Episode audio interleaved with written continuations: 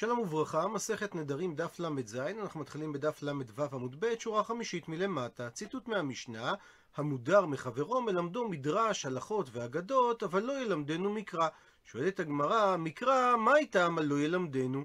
משום דקמהן אלי. שכאשר הוא מלמד אותו מקרא ואינו נוטל ממנו שכר, הרי הוא גורם לו להנאה אסורה, ולכן הוא יכול ללמד אותו ובלבד שזה לא יהיה בחינם. אבל אם כך, מדרש נמי אלי. הרי מאותו טעם עצמו, אסור יהיה ללמד אותו מדרש בחינם. ומדוע אמרה המשנה שמלמדו מדרש הלכות ואגדות? עונה על כך, אמר שמואל שהמשנה מדברת במקום שנוטלים שכר על המקרא, ואין נוטלים שכר על המדרש. ולכן רק אם הוא ילמד אותו מקרא בחינם, תהיה פה הנאה אסורה. מקשה הגמרא על תשובתו של שמואל, מהי פסקה? מה הדבר הקצוב, מה העיקרון שאמרה המשנה? שהרי אם הדבר תלוי במנהג המקום, שנהגו ליטול שכר על המקרא ולא שכר על המדרש, הרי ייתכן גם מקום שנוהגים להפך. ומדוע לא אמרה המשנה באופן עקרוני שאסור על המודר הנאה ללמד דבר שלוקחים על הוראתו שכר? הפכנו דף, מתרצת הגמרא, הקא שמלן, באה המשנה להשמיע לנו, ואפילו במקום שנוטלים שכר עבור הוראת תורה, אז על המקרא שרי מותר למשקל, אבל על המדרש לא שרי למשקל. הוא מסביר הר"ן שמדינה מותר ליטול שכר על המקרא ולא על המדרש, כמו שהגמרא תפרש. רק שיש מקומות שמחמירים על עצמם שלא ליטול שכר אפילו על המקרא, כדי שלא יבוא ליטול שכר מן המדרש, ובאותן מקומות אפילו מקרא יכול המודר הנאה ללמד, שהרי מכיוון שהחמירו על עצמם למצווה אינם רשאים ליטול שכר. כך שאצלם המקרא זה כמו מדרש בשאר המקומות. אלא שהמשנה העמידה את הדברים במקום שנוטלים שכר על המקרא, כלומר שלא החמירו על עצמם, ואפילו באותו מקום, על המקרא דווקא מותר לקחת שכר, ומשום אחי לא ילמדנו המודר, דכיוון שנוטלים עליה שכר, אז אם הוא מלמדו בחינם, נמצא שהוא גורם לו הנאה, אבל על המדרש אסור לקחת שכר הוראה, שהרי מדין האסור, כמו שתפרש הגמרא בהמשך, ולכן, כאשר הוא מלמדו מדרש בחינם, הוא בעצם לא גורם לו להנאה אסורה, שהרי הוא לא חוסך לו שכר לימוד, ולעניין הלימוד עצמו זה לא נחשב הנאה, שהרי מצוות לאו ליהנות ניתנו. ושואלת הגמרא, מה ישנה מדרש דלא? במה שונה המדרש מהמקרא שאסור לקחת או להוראתו שכר? עונה הגמרא, דכתיב נקרא בפנים שמשה רבנו אומר ואותי ציווה אדוני בעת ההיא ללמד אתכם חוקים ומשפטים לעשותכם אותם בארץ אשר אתם עוברים שמה לרשתה. וכתיב פסוק נוסף נקרא בפנים ראה לימדתי אתכם חוקים ומשפטים כאשר ציווני אדוני אלוהי לעשות כן בקרב הארץ אשר אתם באים שמה לרשתה. ומזה שהדגיש משה פעמיים שהשם ציווה אותו ללמד את החוקים והמשפטים לומדים מה אני בחינם אף אתם נמי בחינם זאת אומרת שמשה נותן דוגמה אישית, שכמו שהוא לימד את התורה בחינם לעם ישראל, כך עם ישראל מצווים ללמד את התורה הלאה בחינם. אבל על פי זה קשה, מקרא נמי צריך להיות בחינם. והרי העמדנו שעל המקרא ניתן לקחת שכר. הביאה על כך הגמרא שתי תשובות. תשובה ראשונה, רב אמר שמדובר על שכר שימור. זאת אומרת שלא לוקחים שכר על לימוד המקרא, אלא על שכר השימור שמשמרים את התינוקות, שאין מניחים אותם לצאת ולעסוק בדברים בטלים. ובהכרח שמדובר על קטנים שצריכים שימור כאשר הם למדים את המקרא ולא על גדולים. מה שמכונה בייביסיטר. ואגב כך, נעיר הערה חשובה. יש חובה לשלם לשמרטפית או לשמרטף מיד בסיום העבודה, ומי שלא משלם בזמן עובר על מצוות עשה מדאורייתא. אלא אם כן סוכם מראש ובפירוש שמועד התשלום יהיה מאוחר יותר. בנוסף לכך, צריך מאוד להיזהר כי מדובר פה על התעסקות עם ילדים צעירים, שלא תמיד נעים להם לבקש ולהזכיר שחייבים להם כסף. פירוש שני, ורבי יוחנן אמר, שהשכר עבור לימוד מקרא הוא שכר פיסוק טעמים, שהוא מלמד אותם ניקוד וטעמים, והטעם הזה שייך גם בקטנים וגם בגדולים. מקשה הגמרא על הסברו של רב, תנן, הרי שנינו במשנה שלנו, לא ילמדנו מקרא, ואומרת הגמרא, בשלמא נוח לי להבין למאן דאמר שזה רבי יוחנן, שמדובר על שכר פיסוק טעמים. היינו, אז מהסיבה הזאת דלא ילמדנו. שאם הוא לא לוקח ממנו כסף, אז הוא חוסך לו את שכר הלימוד, וזו הנאה אסורה.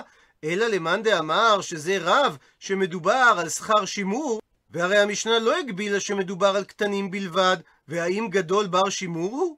שהרי על ילדים גדולים לא צריכים לעשות בייביסיטר. אז אם כך, מדוע לפי רב אסור ללמד אותו מקרא בחינם. מתרצת הגמרא בקטן קתני, שהמשנה שאמרה שלא מלמדים מקרא בחינם, מדברת דווקא בקטן, ואם הוא מלמד אותו בחינם, הרי הוא גורם לו הנאה אסורה שהוא לא גובה ממנו את שכר הבייביסיטר. מקשה הגמרא, אם מדובר בקטן, אימא סיפא. תאמר, איך תסביר את סוף המשנה? שהרי כתוב, אבל מלמד את בניו מקרא, והאם קטן בר בנים הוא? מתרצת הגמרא, חסורי מחסרא והכי קתני. יש חיסרון בנוסח המשנה, וכך היה צריך להיות כתוב. לא ילמדנו מקרא בקטן, בחינם, משום דהו גורם לו להנאה אסורה של שכר הבייביסיטר. אבל אם היה גדול, אז מלמדו לו ולבניו מקרא. משום שבמקרה כזה הוא לא צריך שימור, ואם הוא נמצא שם, אז מותר ללמד גם את הבנים שלו מקרא, שהרי האבא שומר על הילדים, אז אין כאן הנאה אסורה של שכר שימור. מקשה הגמרא מיטיבי קושייה ממקור תנאי, שאומרת הברייתא, תינוקות לא קוראים בתחילה בשבת, ולפי גרסת הבח, אבל שונים בראשון. הוא מסביר המפרש שאין מתחילים ללמדם בתחילה בשבת בדבר חדש שהם עדיין לא למדו מעולם, אבל שונים בראשון, כלומר, דבר שהם כבר למדו אותו פעם אחת, לומדים אותם פעם שנייה בשבת. ומקשה הגמרא, בישלמה נוח לי להבין למאן דאמר ששכר פיסוק טעמים הוא הסיבה ללקיחת השכר בהוראת מקרא, שזה דעת רבי יוחנן, היינו, אז זה הסיבה דאין קוראים בתחילה בשבת. הוא מסביר הר"ן, לפי שעיקר השכר אינו אלא על קריאה ראשונה שיש בה טרחה מרובה, ולכן אין קוראים בתחילה בשבת, כי שכר שבת זה דבר אסור, אבל שונים בראשון, משום שעל דבר שהוא חזרה ולא לימוד ראשוני, לא לוקחים שכר. אלא למאן דאמר שהשכר הלימוד מקרא זה שכר שימור, עמי, מדוע אין קוראים בתחילה בשבת, ועמי ומדוע כן שונים בראשון. האיכא שהרי בשני הדברים יש שכר שימור דשבת שהוא אסור. וכשם שיש איסור על שכר שימור על לימוד בתחילה, באותו אופן יש איסור על שכר שימור כששונים. דוחה הגמרא את השאלה בשאלה נגדית, ולטעמך ולשיטתך, שמובן לשיטת רבי יוחנן, מדוע לא לומדים בתחילה מקרא, והרי שכר פיסוק בשבת מי אסור? שהרי המורה מלמד גם במשך השבוע, אז אם כן, הלימוד בשבת הבלעה היא, השכר מובלע יחד עם השכר שהוא מקבל עבור שאר ימי השבוע, והבלעה מישרא שרי, היא הרי דבר המותר. דתניא, שכך שנינו בתוספתא במסכת שבת, הסוחר את הפועל לשמור את התינוק, או לשמור את הפרה, או לשמור את הזרעים. הוא מסביר הר"ן את הדוגמאות. לשמור את התינוק, שהיו מגדלים תינוקות בחצרות הבנויות על גבי הסלע, מפני קבר התהום, והסיבה ששמרו עליהם בטהרה, כדי שימלאו מים מן המעיין לקדש את אפר פרה אדומה. ומי שהיה דואג לדיור המוגן של הילדים הללו, דאג לכך גם ביום השבת. ואותו דבר לגבי מי ששמר את הפרה האדומה, וכך גם מי שהיה שומר את הזרעים, שמהם היו מביאים את העומר. והרי לכל אלה אין נותנים לו שכר שבת. לפיכך, הפכנו דף, אם עבדו, או אירע בהם קלקול כלשהו ביום השבת, הוא אינו חייב באחריותן. שכיוון שהוא לא מקבל שכר עבור יום השבת, אז הוא מהווה שומר חינם ביום השבת. מה שאין כן, ואם הוא היה שכיר שבת, דהיינו שכרו אותו לשבוע שלם, או שהוא היה שכיר חודש, או שכיר שנה, או שכיר שבוע, שהכוונה לשבע שנים, שבמקרה כזה נותן לו שכר שבת, שכיוון שלא יזכרו בפירוש שזה שכר עבור יום השבת, אלא שהבלי את שכר השבת בכלל המשכורת של שאר הימים, לפיכך, אם עבדו ביום השבת, חייב באחריותן. כי באופן כזה הוא שומר שכר גם ביום השבת. ואם כך, לא מובן גם לדעת רבי יוחנן, מדוע אסרה הברייתא ליטול שכר לימוד מקרא בפעם הראשונה. אלא מסבירה הגמרא, שמה שאמרה הברייתא לגבי שבת, שלא קוראים בתחילה אבל כן שונים, זה לא משום שכר פיסוק ולא משום שכר שימור, שהרי הדברים הללו מותרים בהבלעה.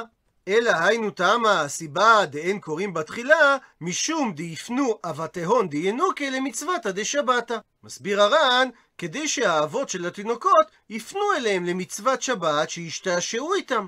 ואם ילמדו את התינוקות מקרא חדש לכתחילה, אז ההורים יהיו לחוצים שהתינוקות שלהם יצטיינו בלימודים, והם יחששו לבטל אותם מהלימודים. והיא באי תימה, ואם תרצה תאמר סיבה אחרת, משום דבשבתא אכלין ושתין, ויקיר עליהון עלמא. שבשבת התינוקות, מתוך שאכלו יותר ממה שדרכם לאכול ביום חול, אבריהם כבדים עליהם, ואין יכולים ללמוד בתחילה, שזה לימוד שצריך עיון מרובה. כדאמר שמואל, שינוי וסת תחילת חולי מעיים. שכל שינוי בהרגל האכילה, אפילו אם הוא שינוי לטובה, הוא מצב שהגוף לא רגיל אליו, ולכן הוא גורם לחולי מעיים. דבר שמקשה על לימוד של דבר חדש שצריך עיון מרובה. ומבררת עכשיו הגמרא, מדוע רבי יוחנן לא אמר כרב, ומדוע רב לא אמר כרבי יוחנן. ולמאן דאמר שזה רבי יוחנן, ששכר המקרא זה משום פיסוק טעמים, מה הייתה מה שהוא לא אמר כרב ששכר המקרא זה בעצם עבור השימור? עונה הגמרא, כסבר רבי יוחנן, שבנות גם הן בכלל לימוד התורה שעליו דיברה המשנה. והרי בנות מי קבעיין שימור? הן לא צריכות בייביסיטר, שהרי אין דרכם לצאת החוצה, כמו שכתוב, כל כבודה בת מלך פנימה.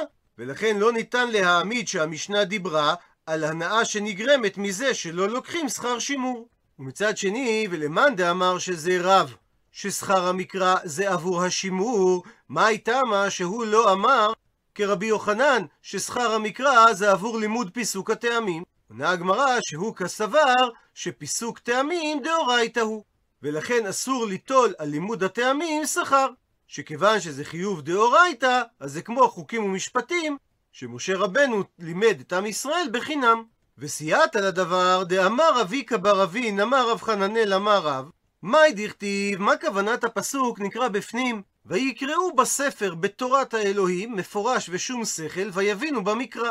ויקראו בספר תורת האלוהים זה מקרא, מפורש זה תרגום, ושום שכל אלו הפסוקים, ויבינו במקרא זה פיסוק טעמים. ואמרי לה, ויש אומרים, שהמשמעות של ויבינו במקרא אלו המסורות. הוא מסביר הר"ן, מפורש זה תרגום שהוא מפרש את הפסוק. ושום שכל אלו הפסוקים, שזה נקודות המפסיקות בין פסוק לפסוק. והן נקראות שום שכל שעל ידיהם אדם מבין את המקרא, כפי תנועת הטעמים. ויש אומרים אלו המסורות, שזה מה שנמסר במסורה. ומרחיבה הגמרא בנושא.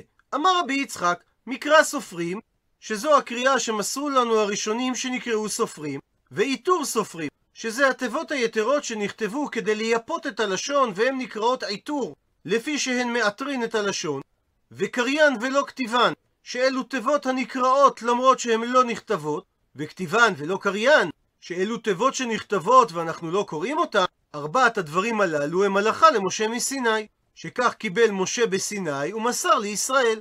ומרחיבה הגמרא ומביאה דוגמאות לכל דבר. מקרא סופרים, לדוגמה, ארץ, שמיים, מצרים. הוא מסביר הר"ן שהמילה ארץ, כשיש בה אתנחתא, היא נקראת בקמת, והמילים שמיים ומצרים, אף על פי שאין בהם א', אחרי השין במילה שמיים, ואחרי הרייש במילה מצרים, בכל זאת הם נקראים כאילו הייתה בהם א'.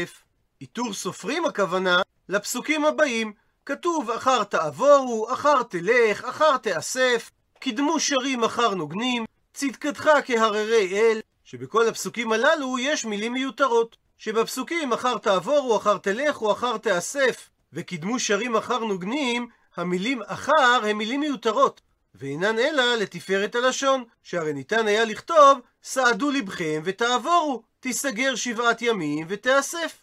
קידמו שרים נוגנים, אלא שנכתבו המילים אחר לתפארת הלשון. וגם בפסוק צדקתך כהררי אל ניתן היה לכתוב צדקתך הררי אל, כמו שכתוב משפטיך תהום רבה, לומר שהערים הרמים, כלומר המלאכים צריכים לצדקת השם, אלא שכתב כהררי אל לתפארת הלשון.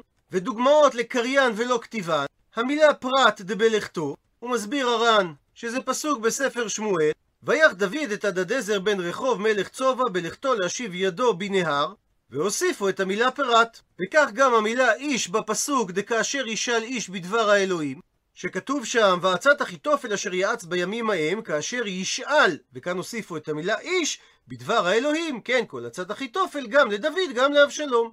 וכך גם המילה באים דנבנתה, פסוק בירמיהו שכתוב, הנה ימים הוסיפו את המילה באים, הנה ימים באים נאום אדוני, ונבנתה העיר לאדוני, ממגדל חננאל שער הפינה.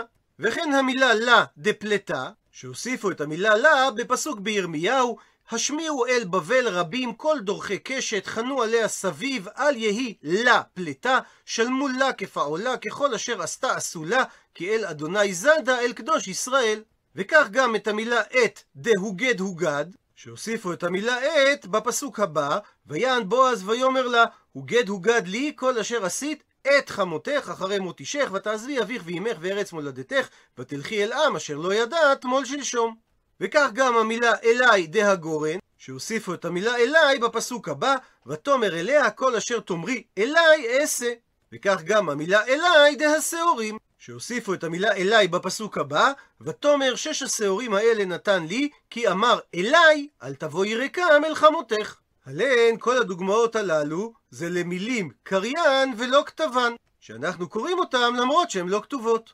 וכתבן ולא קריין, ומילים שכתובות ואנחנו לא קוראים אותם, המילה נא דיסלח, שאחרי שנעמן התרפא מצרעתו, הוא מתנצל, לדבר הזה יסלח אדוני לעבדך, בבוא אדוני בית רימון להשתחוות שמה, והוא נשען על ידי, והשתחוויתי בית רימון, בהשתחוויתי בית רימון, יסלח אדוני לעבדך בדבר הזה.